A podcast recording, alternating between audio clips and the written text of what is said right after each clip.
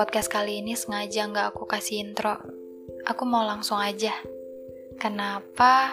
Ya karena kayaknya orang-orang lebih suka langsung. Padahal menurutku yang to the point aja kadang bisa menimbulkan rasa nggak enak. Kayak intro di lagu.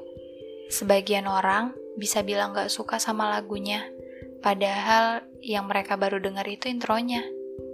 Sebagian orang juga bisa langsung tahu isi berita dengan baca judulnya aja, tanpa dia baca dulu isi beritanya apa. Ya nggak salah sih. Terkadang kita emang cuma mau ambil bagian paling mudah, tanpa tahu bahwa yang kita anggap sulit sebenarnya nggak sesulit itu. Manusia emang paling senang menerima ketidaktahuan ketika hal salah terlalu menyenangkan untuk diterima mentah-mentah. Ya gimana dong? Tapi kan kita emang harus tahu dulu sisi lain dari apa yang kita lihat, dari apa yang kita dengar. Sama kayak hmm, persoalan hidup. Sebenarnya masalah itu nggak cuma bisa dilihat dari satu sisi. Ya balik lagi, kalau kita emang selalu ambil jalan pintas yang terlihat lebih mudah, lalu berasumsi tanpa peduli banyak sisi. Eh, aku cerita sedikit ya. Dulu aku suka sekali keramaian, malah takut kalau sepi. Mungkin ya, mungkin karena aku takut kalau nggak banyak pengalihan.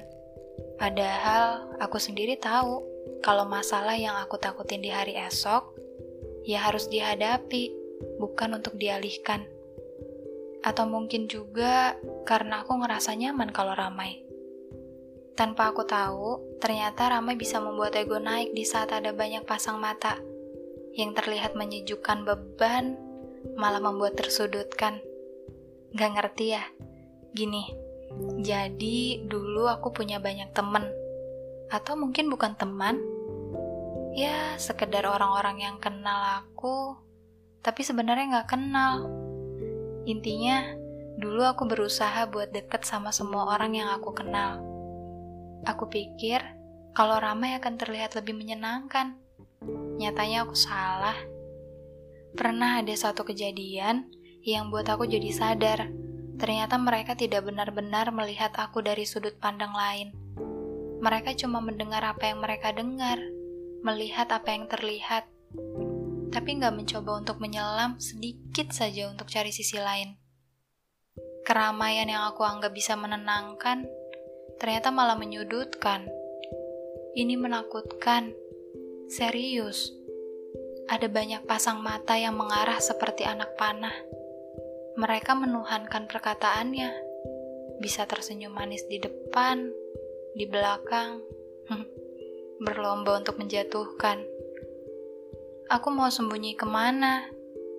Yang aku pikir aku akan aman dengan keramaian, ternyata malah sebaliknya.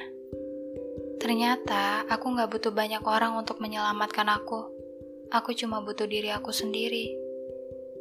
Tapi di saat bersamaan, aku lega. Aku masih punya teman yang bukan sekedar teman. Dia sahabat, juga keluarga. Sedikit, tapi mengenyangkan.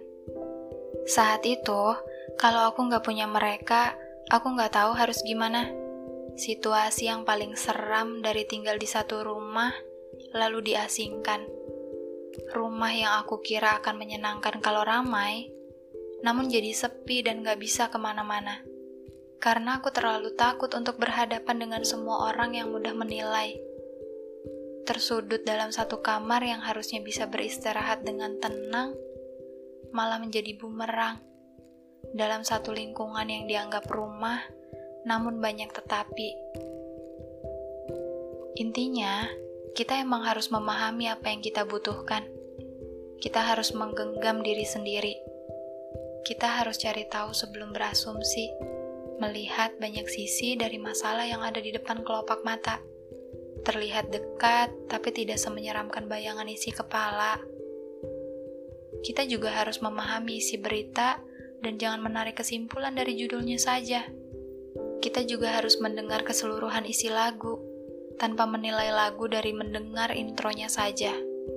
Toh, lagu yang kita sudah anggap nggak enak buat didengar, kalau kita dengar berulang, kita bisa suka sama lagunya. kalau dulu aku nggak pernah ada di posisi yang seperti ini, posisi yang menjebak menurutku, aku nggak akan belajar soal memahami sebelum kita berasumsi. Belajar untuk tidak menerima ketidaktahuan dan menelannya mentah-mentah. Melihat apa yang kita lihat, mendengar apa yang kita dengar, itu salah juga ternyata. Aku juga jadi belajar untuk tidak menarik kesimpulan tentang perilaku seseorang. Karena kita nggak pernah tahu sebesar apa perjuangan seseorang untuk berada di posisinya sekarang. Kita juga nggak pernah tahu isi terdalam yang seseorang tutupi untuk terlihat baik-baik saja. Dan mereka juga nggak pernah tahu seseorang yang sudah mereka sudutkan memiliki perasaan. Perasaan yang sama, perasaan sebagai manusia yang tidak sempurna.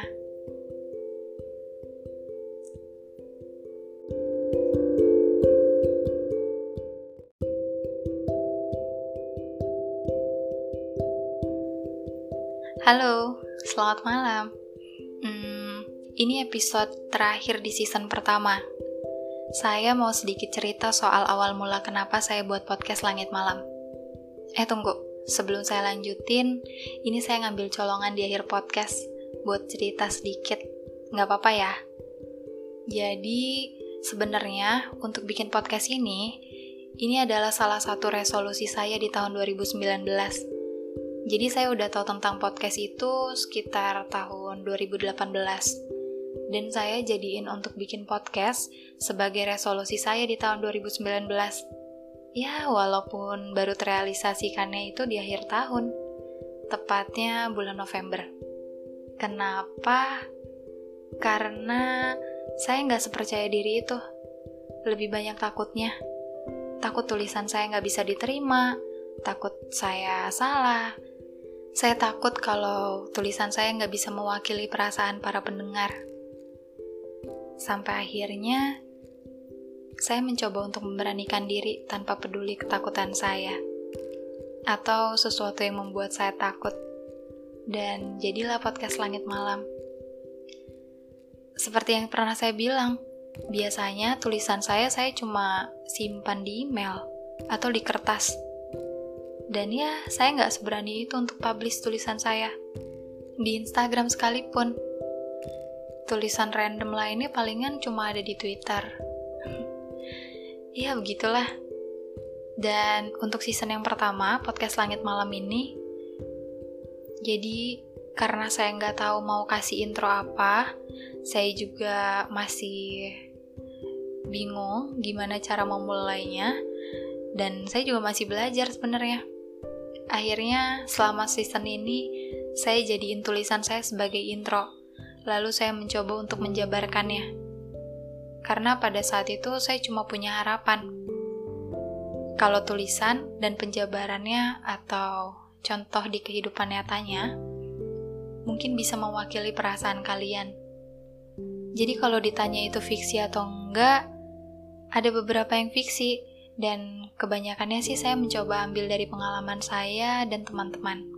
Awalnya saya takut banget kalau saya terlihat menggurui, tapi kalau dilihat dari komen teman-teman semua, alhamdulillah hasilnya positif. Saya juga jadi belajar terus untuk nulis.